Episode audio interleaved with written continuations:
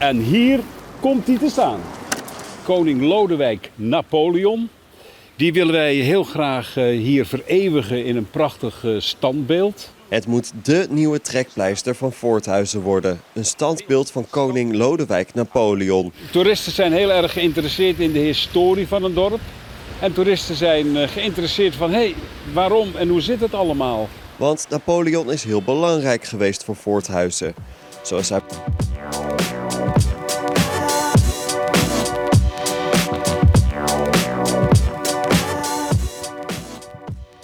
Hey Vincent, Hey Jens. zo daar zijn we weer. Ja, Drie weken geleden was het, volgens mij. drie weken? hè? Misschien wel langer hoor. Sorry. Ehm, en we zijn vandaag niet alleen, want we hebben een eh, gast aan onze tafel. Hallo Manon. Hi. Hey, jij eh, had ons een mailtje gestuurd volgens mij dat jij eh, graag een onderwerp die jou erg aan het hart ging eh, een keer wilde bespreken. En dat vinden we heel leuk. Dus het blijkt ook nog dat het jou heel erg aan het hart ging, Vincent. Ja, dat komt heel ja, dichtbij ja. bij, jou, bij jouw verleden. Ja, Eh, daar is het allemaal begonnen voor mij hè? De- je geschiedenisfascinatie. Ja, mijn geschiedenisfascinatie. Ja.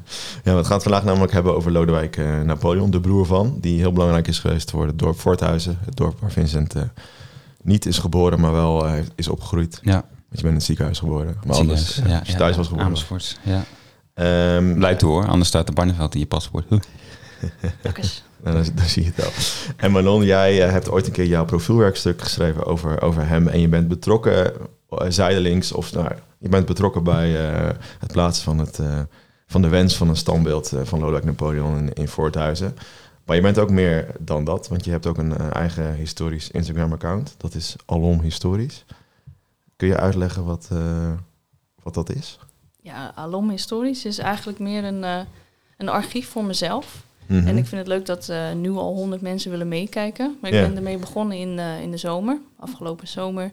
En ik heb zoveel mooie plekken bezocht. Ik denk dat jullie dat ook hebben. Ja. Gewoon in mijn leven, dat ik ergens kom en dat ik iets, iets moois zie, iets historisch zie. En dan maak ik daar foto's van, maar dan verdwijnt het allemaal in je filmrol of op je computer. Ja. En toen dacht ik, nou, ik wilde wel wat informatie bijzetten. En dan ja, bouw ik een beetje zo'n archief. En dat is allemaal historisch geworden. Met mini-docu's. En mensen vinden dat ook leuk om te bekijken. ja, want je doet dat eigenlijk via Reels, toch? Reels en ehm, wat langere filmpjes eh, via YouTube. Dus dat wordt dan Instagram TV. Oh, lachen. Leuk. En ben je daar dan druk mee? Of, eh of is het met hoe druk ben je dan mee? Sorry. Dat is meer, ehm, gewoon in mijn vrije tijd vind ik dat mooi om, eh, om te beheren. Ehm, maar voordat je aan het werkende leven begon, toen heb je ooit een keer je profielwerkstuk geschreven over Lodewijk Napoleon. Hoe ben je bij hem dan gekomen? Want ja, ik wist wel dat hij ooit de koning was van, van Nederland. Maar daar hield het voor mij ook bij op. Hoe, Ja. hoe ben jij bij hem terechtgekomen? Nou, dat is, dat is mooi dat je dat zegt. Want dat is precies wat er in de geschiedenisboeken van de middelbare school ook staat. Ja, Dus er worden echt eh, twee, hooguit drie regels aan hem gewijd. ja.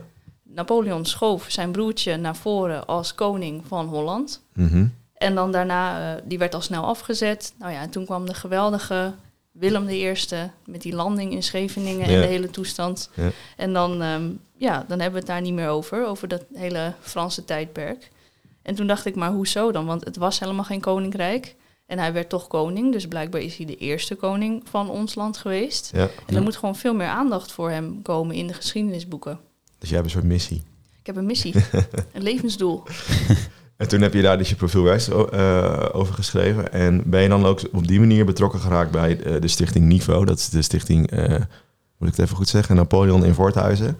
Dus die, die maakt zich druk of die, die maakt zich sterker voor dat standbeeld in, in Voorthuizen. Maar jij komt helemaal niet uit Voorthuizen. Je Ik komt, kom, ja, kom uit helemaal Noord-Holland, niet uit toch? Voorthuizen. Nee, Nee. ik kom uit, eh kom uit Castricum, dus bij Alkmaar. Maar mijn samenwerking met Stichting Niveau is ook pas recent. En dat profielwerkstuk heb ik op mijn zeventiende geschreven. Dus dat is, eh, dat is acht jaar geleden. ja, dus het blijft je achtervolgen. Het, het blijft mij achtervolgen. Ik droom ervan. Echt, ik ga ermee naar bed en ik sta ermee op. Interessant. Ehm, nou, dan gaan we het in ieder geval in deze aflevering meer over hem hebben. En vooral ook over ehm, ja, hoe we dan hem kunnen herinneren. En eigenlijk eh, dat hij vooral meer aandacht verdient. En eh, leuk dat je daarover meer wil vertellen, Manon. Maar voordat we daar verder naar, over vertellen, dacht ik eerst even weer naar onze historische weken. Ja. Vincent, wil jij eh, beginnen? Want je had al heel snel een keer wat in het draaiboek gezet. ja, ik was voorbereid. ja dat is Nou, eerder dan je maar, als er, als er wat genoeg tijd tussen zit, dan, eh, Nee, eh, het was toevallig deze week in het nieuws eh, dat eh Josephine Baker werd bijgezet in het Parijse Pantheon. Ja. En dat vond ik wel een opvallend een nieuwsfeitje, omdat zij natuurlijk Amerikaans is. Ze is een, een zwarte vrouw. En in die zin past ze helemaal niet echt bij het gezelschap wat tot nu toe is bijgezet in het, in het Franse Pantheon. Het, Pantheon in Parijs is eigenlijk, ja, zoals wij de Nieuwe Kerk in Delft hebben, denk ik een beetje. Een soort grafkelder met alle belangrijke mensen. Nou, je hebt de Napoleon, de broer van onze Lodewijk. eh, die heeft natuurlijk zijn eigen, eh, eigen Pantheon wat dat betreft. Mhm. Ehm, maar deze vrouw, Josephine Baker, is, ehm, is met name bijgezet omdat ze in de Tweede Wereldoorlog eh, door haar sterrenstatus, zij was, een, eh, zij was een bekende zangeres en ook op, eh, eh, echt door Frankrijk uitgenodigd om op een gegeven moment in Frankrijk eh, te komen zingen. Eh, en tijdens de oorlog is zij door haar sterrenstatus, kon zij overal makkelijk heen vliegen, optreden. En eh, tijdens eh, die vluchten, tijdens die reizen, heeft ze heel veel berichten gesmokkeld voor, voor de geallieerden. En was ze eigenlijk, zat, ze, zat ze in het verzet. Echt? Ja. Ik wist dat helemaal niet. Ik had ook niet de link geopend. Ik dacht, laat me me verrassen, maar leuk. Ja. Dat wist ik helemaal niet. Ik kende alleen maar als zangeres. Ik dacht, misschien is, eh, is dat gebeurd omdat ze zoveel goede moed heeft ingezongen bij de soldaten. Maar het was dus meer dan dat. Ja, ja precies. Ja. Leuk. En Manon, heb jij, want jij, eh, we hebben jou ook gevraagd voor iets historisch. En jij zei, ja, ik heb wel iets. Ik heb zeker iets en eh, dat heeft ook nog weer betrekking op de Veluwe. Oh, dat is Dus fijn. helemaal in het thema. Ja, Ik ben vorige week naar het Zandsculpturenfestijn geweest in eh Garderen. in Garderen. En dat ligt dus weer naast Voorthuizen En naar Stroe. en naast Stroe. Dus dat is helemaal, helemaal mooi. En ehm, dit jaar gaat dat over de Tweede Wereldoorlog en 75 jaar bevrijding. Ik was er al eens eerder geweest, eh, echt wel een aantal jaar geleden. En ik dacht, ik ga nog een keer kijken, want ik weet dat ik toen echt wel onder de indruk was. Mhm. Gewoon van het feit dat die zandsculpturen zo mooi gemaakt zijn. Ja. Maar ook omdat het een, echt een uitje is. Je loopt door van die hallen en je loopt ook door een tuin. En gaandeweg krijg je dan historische informatie. Dus ik was eigenlijk wel benieuwd of dat dan met dit thema ook zo gedaan was. En inderdaad, het is heel, heel informatief. En het is, eh, ja, je hoeft niet de bordjes te lezen. Maar als je het wel doet, krijg je echt het hele verhaal. En echt super divers. En wat, eh, wat voor verhaal vertelden ze dan? Meer over, over het verhaal van Garderen? Of? Nee, helemaal niet over Garderen eigenlijk. Eh, meer over de Tweede Wereldoorlog in Nederland. Oh ja. Dus de aanloop er naartoe, hoe de tijd tijdens de oorlog was, ehm, de honger, dat soort dingen. Dan zie je ook echt die zandsculpturen met mensen die uit tonnetjes een paar, eh, paar leftovers eh, Ja, eten. bloembollen eten. Een paar bloembollen uit de grond eh, trekken. En dan eh, de bevrijding natuurlijk met hele feestelijke ja, soldaten erbij natuurlijk. Uh, Trace met de Canadees, dat soort dingen. Grappig. Hm. Oh, de, de- want Garderen is best altijd trots op hun eh, oorlogsverleden. Als Ja. in, vooral op hun bevrijding en het eren van eh, de geallieerden. Ze hebben toch in dat centrumpje, dat hele dat stuk waar je die krans altijd ligt en zo. Mhm. Maar ze hadden dus niks over Garderen zelf. Nou, niet niks over Garderen, maar gewoon in het grote geheel ging het wel Gewoon op- over Nederland. Ja, Ja, ja. Oké, leuk. En het was ook, eh, eh, je vond het historisch accuraat. En niet dat, het, Ja. niet dat ik dat belangrijk vind. hoor, Ja, maar- het is, het is eh, toegankelijke info, ja. maar wel alles wat je, wat je moet weten. Oh, leuk. Ja, Oh, dat is echt positief Ik verrast. ben er eh. eigenlijk nog nooit geweest, moet ik gaat een keer Ik ook doen. niet. Het, Nee. is, het is leuk. Nou, leuk. Heel vaak langs gereden, maar nog nooit. Maar 75 jaar vrijheid, dat is toch al eh, Ja, een tijdje geleden? Twee jaar geleden, maar toen was het net corona, dus dan is Ah. allemaal opgeschoven. Dat is Ja. niet, eh, overal nu zo. En vorig jaar kon het ook weer niet, want toen zaten we ook nog meer in een... eh, Ja, en nu Nee. niet, natuurlijk. nee, maar ja, nu... Ja, Ja. Je weet hoe dat gaat, toch? Ja, de eerste keer was het allemaal eng, toen kon het allemaal niet. De, eh, vorig jaar was het allemaal te, te kort tijd, denk ik, om voor te bereiden. Dus nu hebben we heel veel Ja. van die initiatieven gekozen om het nu te doen. Dus dat is heel leuk. Leuk, nou ja, zet hem op de agenda zou ik zeggen. Ja, misschien in de kerstvakantie. Ja, Leuk. Ja, ik had ook iets Veluws. ja ik zie weet het. niet. Eh, nee, we hadden het een paar, afle paar afleveringen geleden over die kroondomeinen. Ehm, en weet je nog, Vincent, dat er, toen was ook die discussie over die subsidie inleveren. Want eh, de koning mocht het niet. Ja. Als dit ging sluiten, wat hij nu, wat hij dus dit, dit jaar nog deed, voor zijn, waarschijnlijk voor de jacht, eh, dan kreeg hij die subsidie niet meer. Dus nu heeft hij eh, een soort, eh, heeft hij gepolderd. Nu wordt er een deel gesloten voor drie maanden en krijgt hij ook nog een deel subsidie, 4,2 miljoen. Heeft hij nou, heeft hij nou wel zo'n deal gesloten dan, wat dat betreft? Nou, het wordt een, een beetje onduidelijk. Het is meer een soort, echt, het is echt een soort mededeling. Zo van, Hmm. hij blijft een gedeelte sluiten en hij krijgt ook nog een, nog een gedeelte subsidie voor wat hij dan niet sluit. Ja, precies. Maar ik, ik denk dat dat niet standaard zo kan. Zeg maar dat dit is de wet. En als ik nou een klein stukje van de wet doe, krijg ik dan ook een klein stukje van de subsidie. Dit, dat zal Ja. hij wel een deeltje gemaakt hebben, denk ik. Ja, Het is mij ook niet helemaal duidelijk wie hier nou beter van geworden is. nee. Nee, en op zich, ja, het wordt natuurlijk heel erg nog gegooid op, op het onderhoud van het gebied. Mhm. Eh, dus ja, dan, als je dat gewoon gebruikt elke keer, dan is het dan gauw goed, denk ik. Maar, of al gauw goed, maar dan, dan kun je daar natuurlijk heel goed achter verschuilen, laat ik het zo zeggen. Maar ja, En ik heb ook wel het idee dat de mensen die een beetje achter de knoppen zitten daarvan, eh, krijgt hij wel of geen subsidie, ehm, dat het hen ook niet per se zo heel veel uitmaakt. Eh, maar dat ze wel voelen dat ze eh, maatschappijtechnisch er iets mee moeten. En dat, dat dit dan een soort, ja, misschien een soort symboolpolitiek is van, eh, kijk, eens, kijk onze koning eens aanpakken. Ja. Ja, en het wordt natuurlijk nog altijd nog weer gegooid als je nu ook weer de artikelen leest over dat ze die populaties in bedwang willen houden. Dus die, vooral de wilde zwijnen groeien heel hard. ja. Dus dan is het fijn dat er gejaagd wordt en dan is het natuurlijk leuk als de koning dat kan doen. Maar waarom mogen wij dat dan niet? Nee. denk ik dan? Ja. Niet wij wij daarvoor geen- zijn hoor. We zijn, eh, We hebben geen jachtbuffet, eh, Nee. Vincent. Er Oké. zitten wel geweren staan, dus da- daar ligt het niet aan. Ja? Waar? Oh, grapje. Ik, ik schrok even. Ik dacht, Vincent, heb jij iets eh, verzameld? of niet, iets? niks hè. Oké, laten we snel verder gaan naar het, onderwerp, want we zijn alweer te lang eh, bezig over onze historische weken. We gaan het dus vandaag hebben over ehm, Lodewijk Napoleon, de broer van Napoleon. En dat eh, is eigenlijk best wel een onbekend figuur. Ik wist er ook heel weinig van. En was dus ook de eerste koning eh, van Nederland. Ehm, en eigenlijk staat zijn hele leven, tenminste als je het zo een beetje leest, wat ik concludeerde, is dat zijn hele leven in teken staat van zijn grote broer. Eh, en dat komt denk ik straks in het verhaal nog wel terug. Maar even in het kort zijn biografie. Hij werd geboren eh, in 1778 op eh, Corsica als zoon van eh, Carlo Maria Buonaparte en Maria Romolino. Als ik het helemaal goed uitspreek. Hij had drie oudere broers. Jozef, Napoleon, de bekende Lucien en een oudere zuster Elisa. En dan twee jongere zusters, Pauline en Carolina. En een jongere broer Jérôme. Dus echt een groot gezin. En na de dood van zijn vader in 1785 werd hij eigenlijk opgevoed door zijn grote broer Napoleon. Die eigenlijk een, zijn, Klein- gro- zijn grote kleine. broer, toch? Ja. Ehm, en in 1791 kwam hij naar het vasteland in Frankrijk. Eh, leerde hij daar de Franse taal, want zijn moedertaal was, eh, was Italiaans. Ehm, eigenlijk ging hij onder de vleugels van zijn broer ook meestrijden eh, in de Italiaanse veldtocht. En maar tijdens deze veldtocht liep hij een seksueel overdraagbare aandoening op. Hebben. En dat vind ik wel interessant, want er wordt echt continu gemeld bij alles. De, wat ik, dus wij hebben het wel eens over vrouwen in deze podcast. En er wordt altijd gemeld hoe ze eruit zagen en wat voor kleren ze aan hadden. En bij deze Napoleon wordt elke keer gemeld dat hij een seksueel overdragen aandoening had. En dat hij de rest van zijn leven last van zou hebben. En toen zei jij, ja, ik weet wel een paar leuke anekdotes over Manon.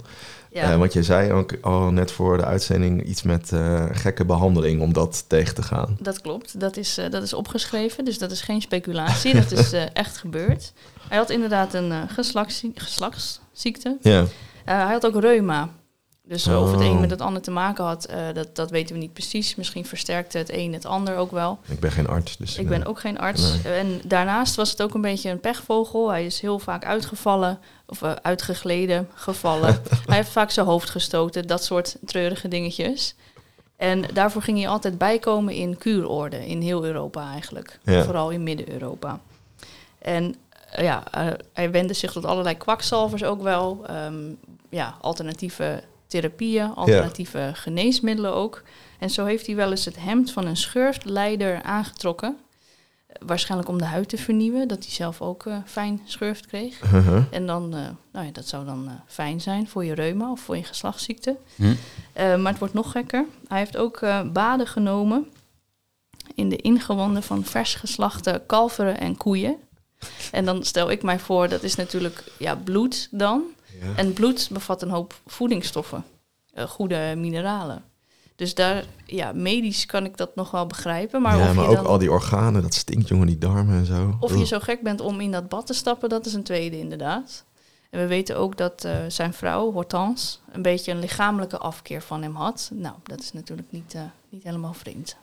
Nee, nee. Maar we weten niet precies wat voor seksuele aandoening hij had. Maar kan ik me wel iets bij voorstellen dan. Ja, Ja, ik vermoed eigenlijk iets van syfilis, want Ja. dat was toen veel voorkomend. Ja. ja. en dat, dat kwam ook veel voor bij soldaten. Zoals, eh, zoals hij. Maar hij had dus zijn hele leven daar last van. En hoe... Nou ja, hele- dit was dus nog tot zijn eh, op 20ste spreken we nu toch? 20, 25ste.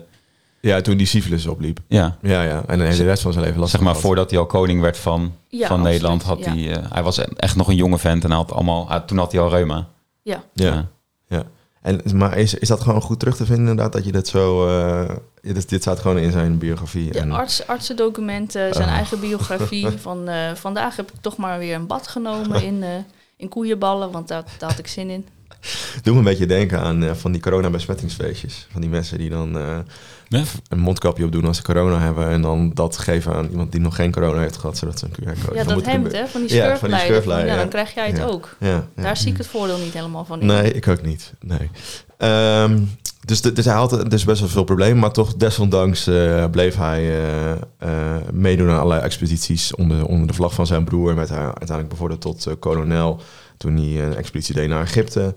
Ehm, en bij Napoleons keizerskoning in 1804 werd hij bevorderd tot briga- brigadegeneraal, maarschalk van Frankrijk en keizerlijke prins. Vincent, jij bent natuurlijk militair historicus. Kan je een Ja. beetje inschatten wat, wat voor rangen dit dan zijn? Ik had geen idee. Dat klinkt heel hoog allemaal. Ja, dat, eh, uiteraard. Ik heb het eh, nog even nagezocht eh, voor de zekerheid. Ja. Ehm, maar een brigadegeneraal is, is eigenlijk wel, tenminste vandaag de dag, de laagste rang qua generaal. Dus dat is echt de eerste generaalstitel die je kan bemachtigen. Mhm. Eh, terwijl maarschalk vaak de hoogste is. Dus Ja. is even de vraag waar dat dan, dan tussen zit.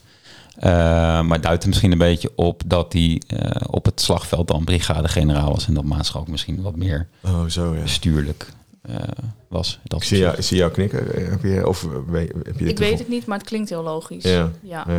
Ook Ja, omdat hij het broertje van was. Dus dat dat maarschalk-deel er nog wel Ja, een bij moest keizerlijke voor de prestige. prins. Precies, dat ja. kreeg je gewoon allemaal toegeworpen. Een extra scherp erbij. En eh ja, het mannetje zijn. Ja. En je had net al over zijn vrouw, maar die werd ook uitgezocht door zijn broer. Dus ze zijn een soort van aan elkaar uh, uitgehuwelijkt. Sterker nog, dat is de stiefdochter van Napoleon zelf. Oh ja, tuurlijk. Ja, dat, ja. Dus het is echt allemaal in, in, Ja. in de circle. Ja, Ja. En die had, ze hadden dus een... ehm, eh, ja, hij- zij had vooral een afkeer van hem. En dat lees je ook, want ze eh, waren eigenlijk nooit samen. Toch hebben ze drie kinderen gekregen, drie zoons. Dus dat is best bijzonder.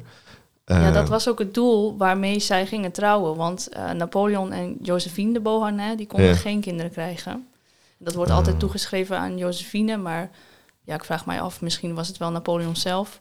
Maar hoe dan ook, zij konden geen kinderen krijgen. Dus toen dacht Napoleon, nou, dan moeten mijn, eh, mijn broers of mijn zussen dat maar doen. Ja, En dan natuurlijk liever de broers, want die hadden de, de Bonaparte naam. ja. En zodoende.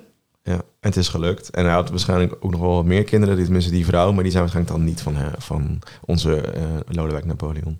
Die vrouw die had nog een buitenechtelijk kind aan Ja. het einde van hun huwelijk, inderdaad. Ja. Ja, interessant.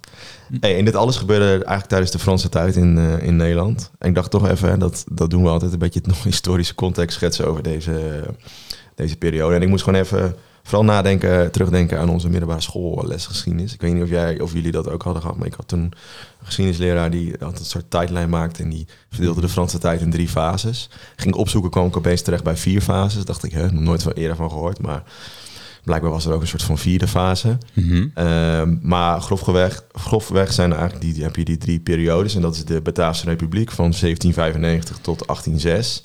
Dan heb je vanaf 1806 komt onze Lodewijk Napoleon aan de macht. Heb je eigenlijk het, het Koninkrijk Holland. 1806 tot 1810. En dan het laatste deel eh, dat we onderdeel werden van het Franse Rijk. Dus dan werden we echt ingelijfd door keizer Napoleon bij het Franse Rijk. En dat was van 1810 tot 1813. En dan eh, komen waar jij dat ook al had over Manon bij het, ehm, eh, de terugkeer van Willem van Oranje in Scheveningen. En dan Willem 1. Ja. Willem I, sorry. En dan komen we weer, weer bij het. Ja, dan is in Nederland weer een koninkrijk, maar dan zonder de Franse invloeden.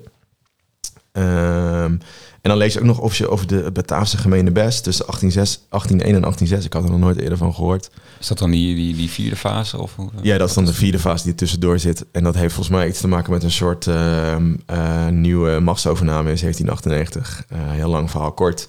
Eh, in 1795 kwam opeens een einde aan alle stadhouders. Ehm, er was veel kritiek op die stadhouders, want dat waren een soort monarchen die ook eh, nou, van kind op vader op zoon dat doorging in Nederland.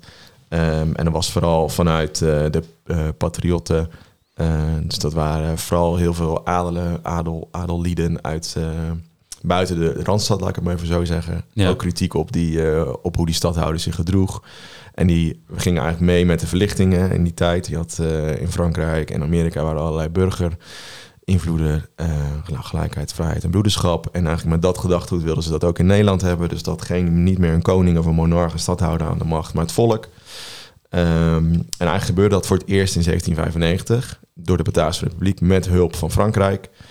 Eh, maar er waren zoveel ideeën en plannen over die, hoe dan die Bataafse Republiek eruit moest zien, dat er eigenlijk nooit echt tot stand is gekomen in die periode. En dat er een hele lange periode was van heel veel onrust. Ja. En ook verschillende, eh, hoe heet dat, staats... hoe noem je dat? Eh staatsingreep. Staatsgreep een koep. ja, door andere patriotten weer. En, Ja. nou, dus een beetje zo in het kort was het een, een, een, een lastige periode. Ja, volgens mij nog zelfs voor 95 hebben ze al... Ja. eh, wat denk je, geprobeerd? 93 denk ik? Ja, in Al. 89 ook. Toen, toen vluchtten ze naar, eh, zijn ze gevlucht naar Duitsland. En toen heeft de broer van de vrouw van, eh, van Willem, de stadhouder Willem III, heeft ze toen weer geholpen. En toen zijn ze weer even in het zadel gezet. Ja. Uiteindelijk is het dus niet. eh, is Frankrijk eh, even wel geholpen bij het afschaffen eigenlijk van de stadhouder? Ja, want door, ja, dus door de Franse hulp riepen de patriotten in 1795 de Republiek uit. Ja. En we waren daarvoor de Republiek van Zeven, Zeven Verenigde Nederlanden, maar dat was niet zo democratisch als zij het voor zich zagen. En Frankrijk was dan een van de weinige landen die het dan ook echt erkende als een nieuwe republiek en als een soevereine staat. In 1795 eh, werd het wel een deel van, voornamelijk eh, alles beneden Venlo, werd onderdeel van het Franse eh, Rijk. En alles daarboven werd dus een soevereine staat, maar er was dus heel veel chaos en onduidelijkheid. Ehm, en, en deze republiek hield dan stand tot 1806. En dan komt eigenlijk onze Lodewijk Napoleon aan de macht. En dat komt eigenlijk vooral, en vul me maar aan Manon, maar dat was vooral omdat Napoleon, dus de keizer Napoleon, niet zo tevreden was over hoe eh, die hele republiek functioneerde.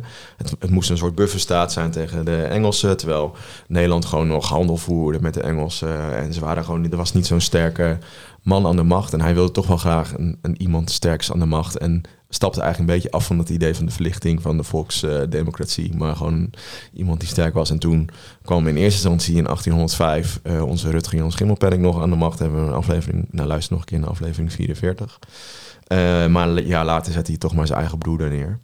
Ja. En dat was best eh, ingrijpend voor Nederland. Want we waren opeens eh, eigenlijk nog meer onderdeel geworden van Frankrijk dan we wilden. Ja, eigenlijk nog niet officieel, maar Ja. eigenlijk vanaf het begin af aan eh, wilde Napoleon gewoon dat Nederland of Holland eh, deed wat hij zei. Eh, en uiteindelijk was het dus nodig, stapje voor stapje, Ja, ja. om zijn broer op die, eh, op die- plek te zetten. ja En alsnog kun je afvragen of die deed wat, eh, wat Napoleon van Ja, verlangde. daar later meer over. Ja, precies. Die, eh, die Bataafse Republiek was ook met de eerste nationaal eh, gekozen, democratisch gekozen eh, parlement. Ja. Dus Het duurde ook een jaar hè, voordat ze dat een jaar geregeld hadden. voordat dat lukte. maar het eerste, het begin is, alle begin is moeilijk. Ja, dat is waar. Dus dat, dat werkte niet helemaal. Dat kwam niet helemaal zo goed uit de verf als eh, ja, iedereen eigenlijk bedacht had. En toen eh, is Napoleon inderdaad, toen met hoe meer macht hij verwierf, is hij ook stapjes gaan zetten. Niet alleen in Holland, maar ook naar beneden toe, naar Spanje Ja. bijvoorbeeld. Is hij van alles gaan veranderen. Toen kwam er weer een nieuwe grondwet in de Bataafse Republiek met een presidentieel systeem. Dus Mhm. inderdaad weer helemaal terug naar, naar de macht bij één persoon. Ja. En dat, ja, toen werd eigenlijk de Bataafse Republiek alweer een soort constitutionele monarchie zonder vorst. Ja. Dus dat klinkt een beetje gek, maar dat is hoe het alweer liep. Nou ja, het enige wat nog miste was een vorst. En toevallig had hij een, eh, een broertje. Een moer over, ergens. In de kuuroord. Ja, Die lag nog ergens. in de koeienbad. in de koeienbad had hij lang genoeg ingelegen. Ja. Tijd om aan het werk te gaan. Maar, maar die broeders, dus onze Lodewijk Napoleon had helemaal geen ervaring, toch? Als een, als, als- Nul ervaring. Helemaal geen eh, bestuurlijke ervaring in die zin. Alleen natuurlijk zijn militaire opleiding, die hij overigens niet helemaal heeft afgerond. Maar hij, ja, hij stond echt in de schaduw van Napoleon en leerde daar ook wel veel door. Ja. Maar hij heeft niet echt een opleiding afgerond en zeker geen opleiding tot koning of monarch of president, wat dan ook. Nee, nee. En hij had ook niet heel erg zin, toch? Om naar Nederland te gaan. Aanvankelijk niet, want het was natuurlijk een beetje een moerasgebied. Ja. Nou ja, en hij dacht met mijn reuma wil ik liever nou ja, in Marseille in de zon gaan zitten, zoiets. Maar nee, hij dacht, eh, daar heb ik eigenlijk helemaal geen zin in. En toch is het gelukt. Toch is het gelukt, toch is het Napoleon gelukt om Lodewijk Napoleon eh, te dwingen, ja. En ehm, ehm, dat is eigenlijk het, het voornaamste wat ik van hem weet. Dat hij dan zichzelf konijn van Holland noemde. Ehm, maar dat, dat is dan nou, natuurlijk een, een, een... Hoe zeg je dat? Een, eh, komt door de taalbarrière. Hij sprak natuurlijk geen Nederlands. Maar hij interesseerde zich wel heel erg voor Nederland. Want hij wilde, graag, eh, nou, hij wilde graag de taal beter eh, leren kennen. Maar ging ook het hele land door. En liet zich wel echt zien als een soort begaande vorst. En je leest dan eh, over allerlei rampen die er gebeurden in die periode. Vanaf 1806 dat hij aan de macht was hier. En dat, er, eh, dat hij daar altijd naartoe ging en eh, hielp bij allerlei zaken. En die gewoon zich liet zien van nou, ik, ik maak me zorgen om jullie of ik bekommer me om jullie. Dus hij was wel een soort van begaande vorst, Ja, toch? en dat was ook nieuw. Ja. Dat hadden die stadhouders ook nog niet gedaan. Die zaten echt in hun eigen kantoortjes, hun eigen ijzeren ivoren torens. Ja, interessant. Ja, Ivoren Toren. zeg maar. Ivoren Ja, zo klopt dat, ja. Ja. ja. Maar nee, eh, Lodewijk Napoleon die stapte dan echt in de koets. Dat is, eh, dat is echt gebeurd. En die ging dan daar ter plekke kijken. Ik weet niet of hij zelf ook echt super erg de handen uit de mouwen heeft gestoken. Bijvoorbeeld met de kruidlamp ramp in Leiden. Mhm. Of hij dan ook echt brokstukken puin ehm, heeft gesleept, dat weet ik niet. Nee. Maar hij kwam daar wel en hij gaf vooral financiële giften. Ja. Dus En dat, was wel, ja, en dat was wel een beetje tegen de, de, de insteek van zijn broer in, toch? Precies, precies. Die was daar eigenlijk te arrogant voor. Die dacht, nou ja, ramp kan gebeuren. Ja. Sowieso is Frankrijk natuurlijk een heel ander eh, ja, gebied dan, dan Nederland. En Nederland is veel kleiner. Dus dan heeft zo'n kruidramp heeft een veel grotere impact dan wanneer dat in Parijs zou gebeuren. Dat is wel grappig, man. Dat staat dan eigenlijk ook een beetje haaks op wat hij als eerste doet als hij in Nederland eh, aankomt. Of een van de eerste dingen. Namelijk dat hij Den Haag eh, als stad, als hofstad zijnde, eigenlijk maar niks vindt. Hij vindt het een beetje beneden zijn niveau. Hè. Hij is natuurlijk eh, de, de grootste paleizen van, van Versailles, van, nou ja, noem er nog een paar op, Mhm. gewend. En het eerste wat hij doet is, hij maakt Amsterdam de hoofdstad van, van Nederland in plaats van Den Haag. Omdat dat een stad is met, met veel meer allure, wat dat betreft. Hij wil, ook niet, hij wil ook niet in Den Haag wonen, toch? Nee, ook niet in Haag want hij kreeg, eh, nou, hij kreeg dus de huizen, paleizen van de Oranjes die waren gevlucht. Dus Huis ten Bosch, Paleis Soesdijk, het Loo. Interesseerde hem ook allemaal niet zoveel, het Loo. Best wel grappig, terwijl het best wel... Het is de Versailles van Nederland, Ja, Franse tuin. Franse tuinen. Ja. Ehm, en eh, op een gegeven moment eh, besluiten ze dan... In Amsterdam vinden ze niet echt een goede plek om, eh, om te wonen. En eh, eh, besluiten ze dan toch maar om, om in Den Haag voorlopig te blijven. Maar in 1807 eh, overlijdt hun oudste zoontje in, in Den Haag. En dat is eigenlijk voor hun het zijn van, we moeten hier weg. Ja, want van tevoren had hij dat volgens mij ook al een beetje. Hij was bang voor de, voor de vochtige zeelucht in Den. Haag. Vanwege die reuma Ja. en die geslachtsziektes. dat, dat slaat, dat slaat op je gewrichten. Maar ja, daarom klagen die mensen ook zo. Echt alsof de man van 85 is. Ja. Maar dat is wel grappig, want wat hij doet, hij gaat dus niet naar Amsterdam, want eh, ze hadden wel wat dingetjes voor hem aangewezen, maar dat, dat was helemaal niet Amsterdam was toch een hartstikke vieze stad in die tijd. Ja joh, nog steeds. Ja, Maar wat hij doet, hij, gaat, eh, hij heeft het slimmer bekeken. Hij gaat namelijk naar Utrecht. Ja. Eh, en hij koopt, hij laat in het geheim laat hij allemaal panden op- eh, opkopen die allemaal aan elkaar geschakeld zijn rondom de Drift en de Witte Vrouwstraat, waar je nu de universiteitsbibliotheek vindt van Ja. de Universiteit Utrecht. En laat dat eh, maken tot een soort paleis. Eh, en daarmee ook alle ministeries verhuizen daarmee naar de Drift. Eh, en alle families van de ministers en alle ambtenaren. En het is wel grappig, je ziet ook echt een hele duidelijke dip in de economie van Den Haag bijvoorbeeld. Omdat al die mensen het soort leegloop naar Utrecht. En hij, hij verblijft daar ook een tijdje. Ja, en daar hebben wij nog profijt van gehad, want dat is, was Ja. nu, en daar hebben wij altijd les gehad. En er was de universiteitsbibliotheek. En er zat ook nog zo echt zo'n katheter van hem, toch? Of noem je dat? Zo'n katheter? Katheter. nee, Had hij daar ook last van? nee. Ik bedoel zo'n ding waar hij ach- achter staat om te praten. Of zijn schrijftafel bedoel ik. Ja, ja. Weet je het ook weer? Gewoon een, Een bureautje. spreekstoel. Ja, een spreekstoel bedoel ik. Maar het is eigenlijk gewoon een, meer een bureau. Sorry, katheter. Ja, voor mij heet, dat zo, heet dat niet gewoon zo. Ja, misschien is het wel zo. Maar goed, het is inderdaad een soort bureau. En dat zat dan in een soort glazen kist. En dan loop je dan langs heen. staat dit is het bureau van Lodewijk eh, Napoleon. Ja, Dus kortom, hij had wel eh, hij bleef een half jaar. En Ja. daarna ging hij naar eh, Amsterdam, naar Ja. het paleis op de Dam. de Dam. Dat Ja. was vroeger het stadhuis. Hè? Daarvoor was het het stadhuis. Ja. En ehm, door hem is het het paleis op de Dam Ja, geworden. het is Ja. geschonken Nog door steeds de- tegen het verkeerde been van alle Amsterdammers volgens mij. Ja. Dat, eh, op een gegeven moment eh, heb- he- ja, heb- heeft de koninklijke familie, nou Lodewijk dan in dit geval, heeft het eh, hun, hun trots eigenlijk weggegrapt wat dat betreft. Ja, want het is geschonken door de, Ja. eh, door Ja. de burgers, toch? Ja. Zeggen ze, inwoners van Een Amsterdam. beetje verplicht is het eh, aan hem aangeboden, ja. Ja, ja. Ehm, dus kortom, ehm, hij veranderde een hoop in Nederland. Ehm, was vooral bezig met, of tenminste, eh, zou, zou vooral bezig moeten zijn met wat zijn broer tegen hem zei. Maar hij, hij liet zich ook wel zien als een soort eh, ja, meegaande eh, vorst die dus de taal wilde leren. eh, Ja. Op bezoek ging bij allerlei rampen. eh, en die gewoon zi- zichtbaar was voor, voor het volk. Wat hem op een gegeven moment eh, de bijnaam Lodewijk de Goede eh, gaf. Ja. Ik weet Ja. niet, eh, is dat, komt dat echt nog veel, is dat, komt dat veel voor in de, in de geschriften dat jij weet?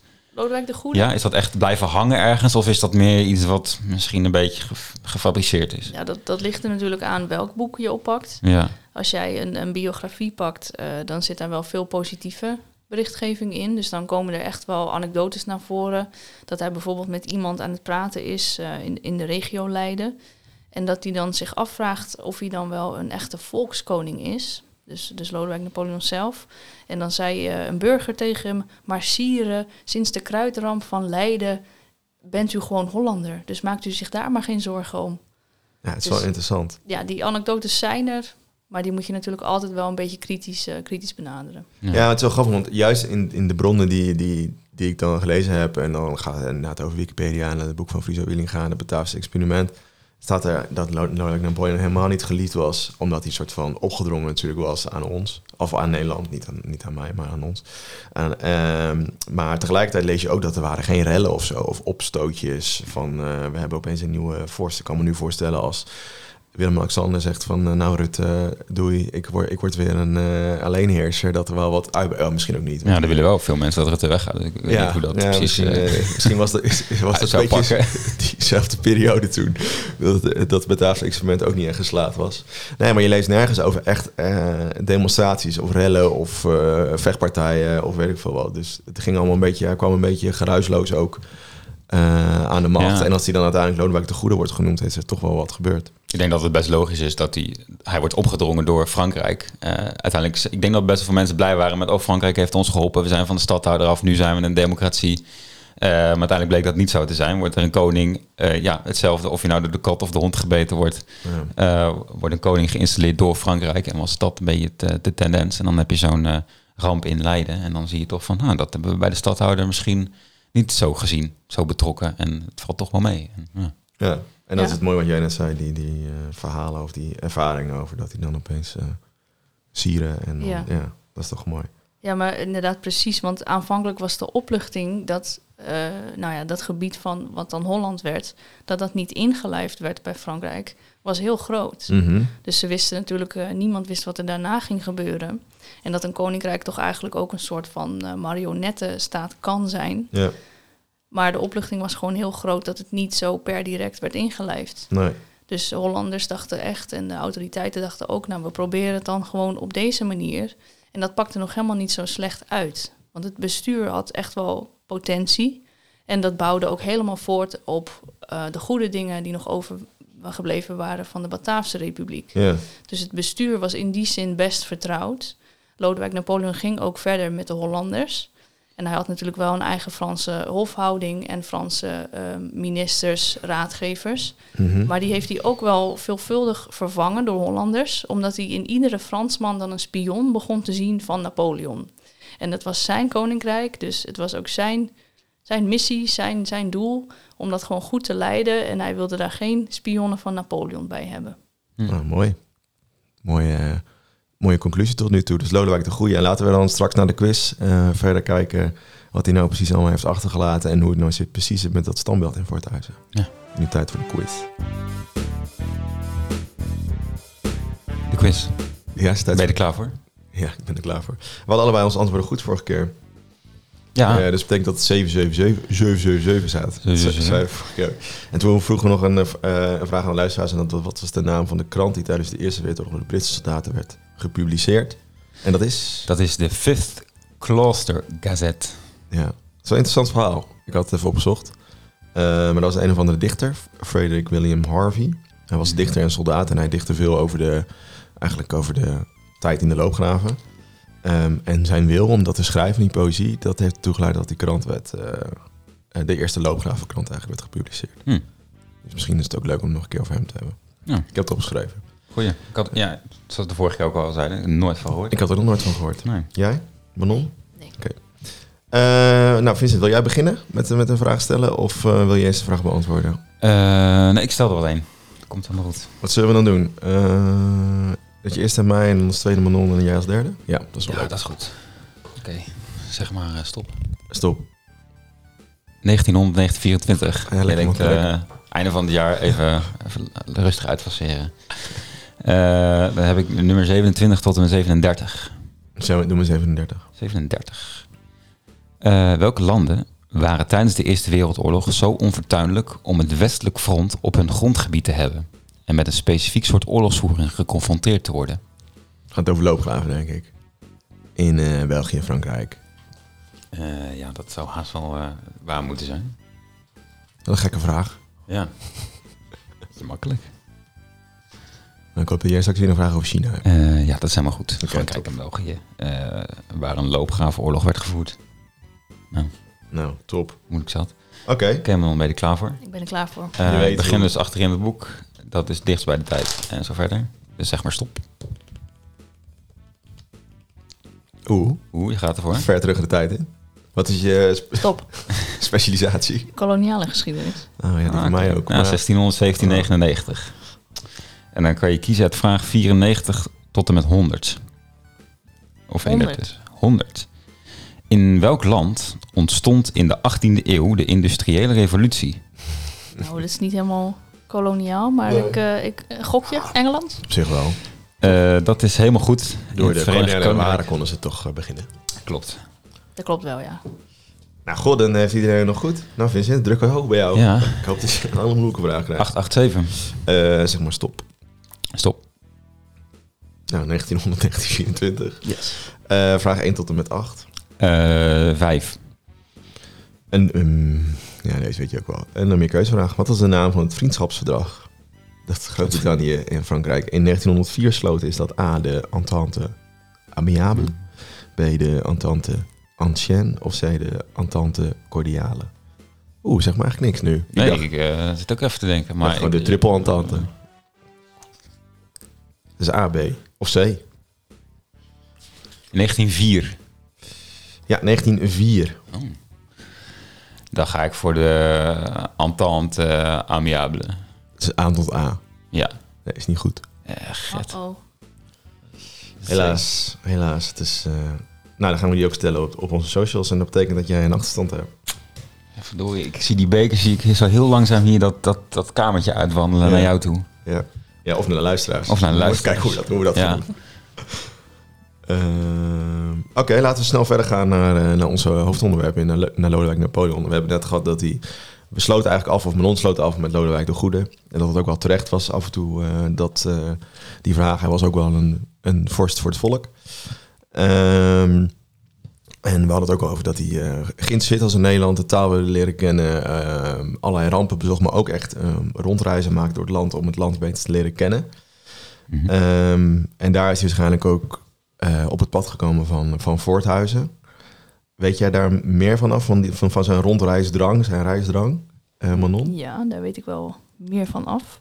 Ehm, en dan specifiek Voorthuizen bedoel je? Nou, dat hoeft niet hoor, maar dan is het wel leuk als we daar eh, naartoe kunnen, denk ik. Nou ja, gewoon in het algemeen eh, maakte hij ook reizen door het land. Ten eerste om, ze, om al zijn buitenplaatsen te bezoeken. Mhm. Dus jullie noemden net al het Lo. Ehm, hij had nog een buitenplaats in Haarlem. Heel mooi pand, nu het provinciehuis. Oh ja. Dus ja, als jij reist eh, in die tijd tussen het Lo in Apeldoorn en paviljoen Welgelegen in Haarlem, dan is dat best een, een reis die je maakt. ja. En dan moet je natuurlijk ook overnachten en stoppen. En eh, zo zie je nog eens wat eh, van het land waarover je eigenlijk eh, regeert. Ja. En wat hij heeft gedaan in de regio van Voorthuizen, is hij heeft de oude Zandweg, of eigenlijk een, een weg die er niet echt was, natuurlijk een Veluwegebied, een bosgebied. En Daar heeft hij een verharde weg aangelegd, dus tussen Apeldoorn en Amersfoort. En overigens ook nog verder naar het oosten toe dan Apeldoorn. En dat, eh, ja, dat was zo gunstig voor de handel en gewoon om die plekken die daartussen lagen, zoals Voorthuizen, te bereiken, dat dat gewoon een aangetoonde ja, economische impuls was. Ja. Ja, interessant. Ja, want ik, ja, ik ken die, we kennen die weg wel. Ja, We bestaat nog steeds namelijk, gewoon de Apeldoornse straat. ja. Ehm, en eh, want dat je, ik, ja, ik lees wel, wel eens wat meer over de Veluwe. Ehm, ook over geschiedenis. Ik heb een hele leuke schrijver, Gansenbeek. Allemaal aanraden om wat te lezen. En dan eh, dat die eh, schreef eh, rond 1960 en die ging dan boeren interviewen die dan dan al 80 waren en dus nog voor 1900 geboren waren. En dan lees je ook dat die weg altijd volgens de volksverhalen levensgevaarlijk was. Dat is gewoon een bospad, waren bandieten. En ja. dan eh, ging je daar met je, met je oogst, met je aardappeloogst, moest je naar de markt in Nijkerk bijvoorbeeld. En dan werd je weer overvallen. Dus het, is, het was wel echt een gevaarlijke, gevaarlijke weg. Ehm, dus, dus wat dat betreft eh, denk ik wel, klopt het verhaal wel inderdaad dat, dat die oogst, of tenminste de handel ging veel makkelijker heen en weer. Maar je leest ook daarna wat de Stichting Niveau ook op hun website zet, dat het dorp ook enorm groeide, Voorthuizen. Weet je daar ook nog meer van? Of het, dat is- heeft gewoon eh, alles te maken met die handel? Het heeft alles te maken met die, met die weg. Want die dorpen die werden beter bereikbaar. Ja, En ehm, als jij dus inderdaad eh, marktkoopman was... Mhm. en jij wilde zowel naar Amersfoort als naar Apeldoorn... ik weet niet of dat in die tijd heel vaak voorkwam... maar ik kan het me voorstellen. ja, Beetje zoals markten nu ook rondreizen. De ene Ja. dorp en dan weer het andere dorp. Dan is het natuurlijk wel handig om die weg te gebruiken. En waarom zou je je dan niet gewoon blijvend vestigen... in een van die dorpen die daartussen liggen? ja, Als het toch allemaal aan die, aan die weg ligt en makkelijk te bereiken is. ja. Ja, kan dat. Ja, ik Ja. weet niet zo goed hoe Voorthuizen er toen eh, bij lag. Of dat het heel erg bossig was, of heel erg mo- mo- ja, moeras of eh, velden. Dat weet Vincent nog uit zijn eh, jeugd. Ja, vroeger eh, was heel veel veldjes, heel voetbalveldjes. Voetbalveldjes. Ehm, nee, dat weet ik eigenlijk ook niet. Nee. Ehm, ik, ik weet wel dat je... ehm, je hebt dan nu nog één restaurant zitten. En dat was dan vroeger eh, echt zo'n soort rustplaats, zo'n herberg inderdaad. Wat ook alles te maken heeft met die, met die weg. Ehm, maar was het voor, voor het aanleggen van die weg, was het toen ook al een soort rustplaats? Omdat je juist ook niet verder kon, omdat het zo lang duurde. Ja, het, en- wa- het was volgens mij wat ik dan Ja, weet vanuit de boeken van Gansbeek was het wel een pleisterplaats, ja. Dus Ja. dan was je, had je één of twee slaapplekken, eh, ja, helemaal aan het begin van het dorp bij de restaurant De Heuveltjes en dat huis van de Riklom, die boerderij. ja. Dat was volgens mij ook de plek waar uh, Lodewijk Napoleon heeft geslapen. Ik dacht altijd dat het het de Napoleon was, maar blijkt dus nu dat het Lodewijk Napoleon was. ja. Weer, huismerk Napoleon. ja, weer, weer, weer wat geleerd. Huismerk Napoleon. Ehm, dus dat klopt wel, ja. Maar dat klopt gewoon omdat je er zo lang dus over deed voordat het was het alweer avond, laat maar zeggen. Als je eh, vanaf, vanaf Leijsseloo kwam en je was dan daar, dus moet je nagaan. Dan doe je nu een kwartiertje rijden, denk ik. Ja, 20 minuten. Ja. Ja. moet je nagaan. Op een met paard en wagen op een, een Zo. onverharde weg. Ja, door een bos. Door Ja. een bos. Met, met bandieten. Met vol met bandieten. Ja. Struikrovers. Die zitten daar nog steeds, maar die weg is gewoon veel veiliger. Ja. Die kan er sneller lang zijn. En dan springen ze, maar ja, dan ben je alweer weer voorbij. Je scootertje. ja, interessant. En, eh, en dat, dat is eigenlijk ook de reden, dus die, die eh, invloed die hij door die aanleg van die weg heeft gehad, is ook de reden van het, eh, de wens om een standbeeld neer te zetten. Volgens mij wel, ja. Daar weet Stichting Niveau natuurlijk zelf meer over. Maar het is wel, eh, zij, hun insteek is dat toerisme wel zal groeien door het standbeeld. Omdat je dan ook dat hele verhaal van hoe die ontwikkeling in die tijd verliep eh, erbij kan trekken. Ja, ja. En ze hebben jou gevonden, want jij hebt dus je profielwerkstuk geschreven. Je, we hadden het er al kort van tevoren al over, je wist het ook niet meer zo goed, maar eh, ze hebben jou benaderd om eh, als een soort historicus om eh, het allemaal te ondersteunen. Het Ja, ik weet niet precies wie wie gevonden had, inderdaad. Want het is al een tijdje geleden. Het is denk ik nu twee jaar geleden dat ik in contact kwam met Stichting Niveau. Mhm. Wat zij wel hebben gevraagd is dus of ik mee wilde werken. Ja, En dat wilde ik wel graag. Want zij zochten dus historici die er meer over wisten. En die Lodewijk Napoleon ook een warm hart toedragen. ja, ja. Dus jij bent eh, voorstander van het standbeeld. Ik ben fan, ja. Ja, heel goed. Ja. Hebben ze, hebben ze al een soort eh, ontwerp of zo? eh, voor Ja, dat, dat, kartonnen bord, bord waar ze Ja. eh, Nee, nee, maar moet dat het, of wordt het eh, ik weet het niet heel megalomaans op een paard of zo? Dat zou ik wel mooi vinden. Gewoon dat Of een stijgerend paard het liefst. gewoon, dat, gewoon die, die, die, die, dat schilderij van, Van Napoleon, en ja. dan met zijn broer erop. Ja. Ja. Ja. we- weet jij dat of er dan een soort ontwerp? Nee, misschien een borstbeeld zou natuurlijk ook nog kunnen op een, op een Oh ja. sokkel. Oh, ja. Het gaat erom dat hij daar eh, vertegenwoordigd moet zijn. Ja. Ja. En, en, en waar is de strijd nu precies voor? Voor het, voor het geld of meer voor de vergunning? Of, of, eh, Voor de noodzaak om daar inderdaad dan een beeld van hem neer te zetten. ja. Maar ze- zeg maar, ze, ze- het zou niet zo kunnen, zo'n borstbeeld, ik weet niet hoeveel het moet kosten, maar vast geen... Nee, maar het gaat volgens mij vooral omdat het dorp Voorthuizen het niet wil. Er zijn heel veel mensen die het niet willen, dat Ja, borstbeeld. ja, ja, ja. Omdat eh, ze, ja, jij zei het al, er zijn veel oranje fans eh, Ja. rondom Paleis het Loon, maar ook in Voorthuizen. Een hele grote oranje vereniging. Ja, zeker. Hele grote Koningsdag altijd. Gigantische festijnen. jij kan dat weten als Ja, Voorthuizen. Maar- Edwin Evers Band, alles erop en eraan. bij, bij Trefpunt toch altijd. Ja. Sorry. Eh, maar die zijn gewoon, ja, die zeggen gewoon, ja, dit is een, een, een opgedwongen koning eh, vier jaar lang geweest. En, en het is geen oranje, dus we willen niet dat deze man eh, in het straatbeeld vereeuw- vereeuwigd wordt van, eh, van Voorthuizen. Wat in feite al gebeurd is. Want? Nou, het, het hele dorp zit vol met Franse lelies. Sinds eh, een jaar of tien. Eh, toen hebben- is er een vlag eh, ontworpen. eh, vier vlakken. diagonaal, twee paarse vlakken linksboven en rechtsonder. En groene vlakken, dat is dan links of rechtsonder en linksboven. Zo Verwijst dat dan naar... en dat is voor de hei en voor het bos. Dus groen en, en paars. En dan, en dan had je nog een blauwe streep heb je in het midden. En dat is dan de, de Voorde. Dat was de, een rivier eh, vroeger in, eh, echt? in eh, of de Gansenbeek. De. Nee, de Voorde volgens mij. Ja. Grappig. Eh, wat grappig is, mijn ouderlijk huis heet ook de Voorde. Dat staat ook precies aan die, waar dat hij gelopen heeft. En daar hangt die vlag. Hartstikke leuk. Die hangt, die hangt daar zeker, ja. Echt? In de vlag. Ja, iedereen heeft die. Dat is, en dan kom je ook weer in dat hele gemeente. Want voor het huis valt onder gemeente Barneveld. Dus je gaat een soort eigen identiteit wil je creëren. Even zo goed. Eh, maar op die vlag staat middenop een hele grote gele eh, Franse lelie. Eh, en dat heeft alles te maken met eh, het, die ene nacht dat Lodewijk Napoleon in eh Voorthuis heeft geslapen. En natuurlijk wel het aanleg van die weg en, dat hele verhaal. Maar dat zie je overal terug in de bestratingen, op, op het centrale plein, in alle hekwerken in het hele dorp. Nou ja, de, weet ik veel, allemaal merchandise. Je kunt echt letterlijk alles kopen met die vlag. Ehm, dus dus dat, dat bestaat wel. Dus, dus het, het argument van we hebben niks met Lodewijk Napoleon omdat hij de Oranjes heeft verdreven. Dat, is, dat, dat staat daar dan een beetje haaks op. Ja, want ze hebben het helemaal omarmd al, eigenlijk, het hele dorp. Ja, voor iedereen met een vlaggenmast die heeft, eh, heeft die vlag erin hangen. En zo niet, dan hangen ze hem uit het raam of zo. Het, het is echt wel eh, omarmd. Wel grappig, want het is wel echt, laat me zeggen, ik heb even de archief van de Barnevaldse krant nagelezen, want dit loopt ongeveer vanaf 2019, dit debat. En 2020 is het volgens mij het meest eh, opgeleid, laat me zeggen. Eh, en het argument inderdaad dat, dat, eh, dat het een gedwongen fors was en een marionet, bla bla bla, dat wordt altijd aange- aangevoerd als in daarom moet het borstbeeld of het beeld er niet komen. Dus Ja. eigenlijk zeg jij nu, Vincent, dat het gewoon gelul is. Ja, Misschien moet je ook in die stichting gaan. denk ik wel. het, het, het, het lijkt mij volledig koud of het er wel of niet komt. Maar Ja.